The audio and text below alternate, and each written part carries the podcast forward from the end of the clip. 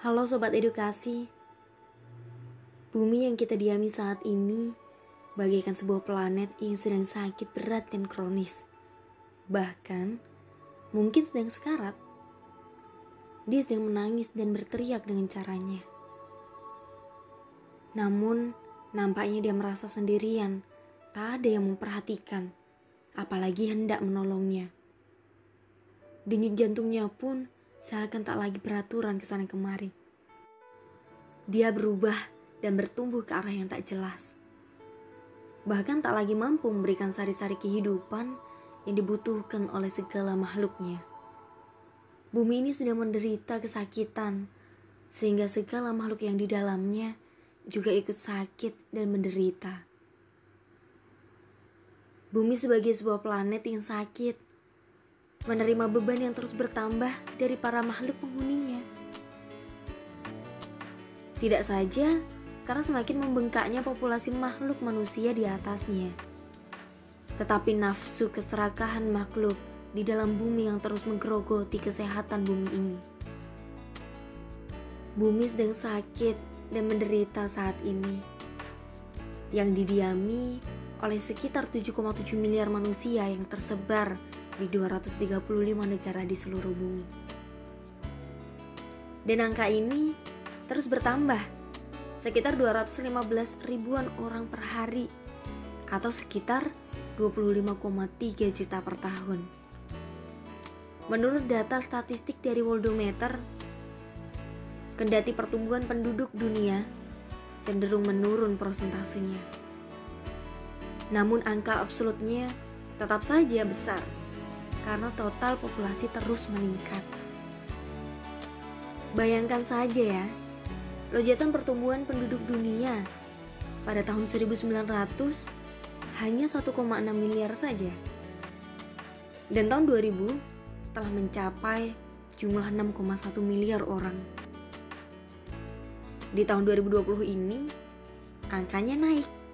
Semakin naik menjadi 7,7 miliar orang di atas planet bumi ini. Dalam 20 tahun ada perkembangan sekitar 1,6 miliar orang. Bandingkan dengan 100 tahun bertambah hanya 4,4 miliar orang. Aktivitas miliaran manusia di atas bumi ini menyebabkan kerusakan bumi nyaris tak terkendali. Manusia terus-menerus melakukan eksplorasi di hampir seluruh kulit bumi hanya sekedar untuk menjawab segala kebutuhan, keserakahan, dan kepentingan saat yang nampak sulit terkendali. Pembangunan di mana-mana muncul, seakan tak peduli dengan kebutuhan bumi yang harus berada dalam keseimbangan. Menyebabkan sistem kehidupan bumi ini tak lagi berada dalam keseimbangan yang bisa menghidupi dirinya sendiri. Dan karenanya, memunculkan berbagai kerusakan yang menyebabkan hadirnya ancaman bagi kehidupan di bumi ini.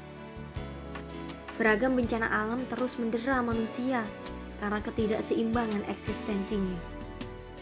Dan sangat mungkin menjadi sumber segala penyakit, baik yang sudah diketahui penyebab dan vaksinnya, atau bahkan masih misterius. Pandemi COVID-19 ini seakan menjadi lonceng kematian bagi seluruh makhluk bumi ini, utamanya manusia. Untuk diperingatkan akan bumi yang sedang sakit, menderita, sekarat dan sedang berteriak kepada seluruh makhluk agar bumi ini ditolong. Kalau tidak, maka bukan saja bumi yang semakin rusak, namun segala makhluk yang ada di atasnya akan ikut menderita, sakit, atau bahkan sekarat.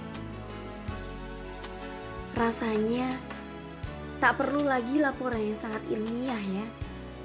Karena dengan mata telanjang saja, perasaan yang peka dan hati yang terbuka, semua orang saat ini merasakan dampak belajar, bekerja, atau apa pun dari rumah.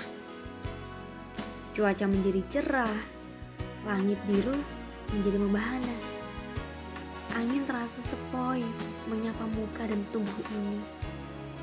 Karena jalan-jalan menjadi lengan, dan polusi nyaris tak berarti, serta produksi beragam limbah yang selama ini terjadi menjadi berkurang sangatlah signifikan.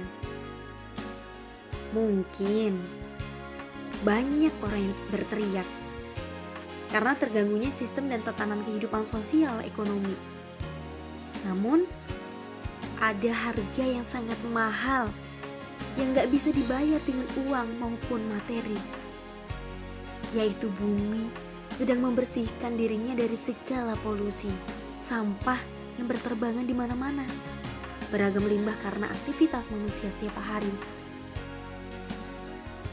Semua orang pun yang berada di rumah menjadi sehat karena bersama dengan keluarga sepanjang hari atau bahkan sepanjang malam. Tinggal di bumi yang sedang sakit, pastinya rasanya gak nyaman ya, gak aman, dan selalu berada dalam ancaman dari segala penjuru angin.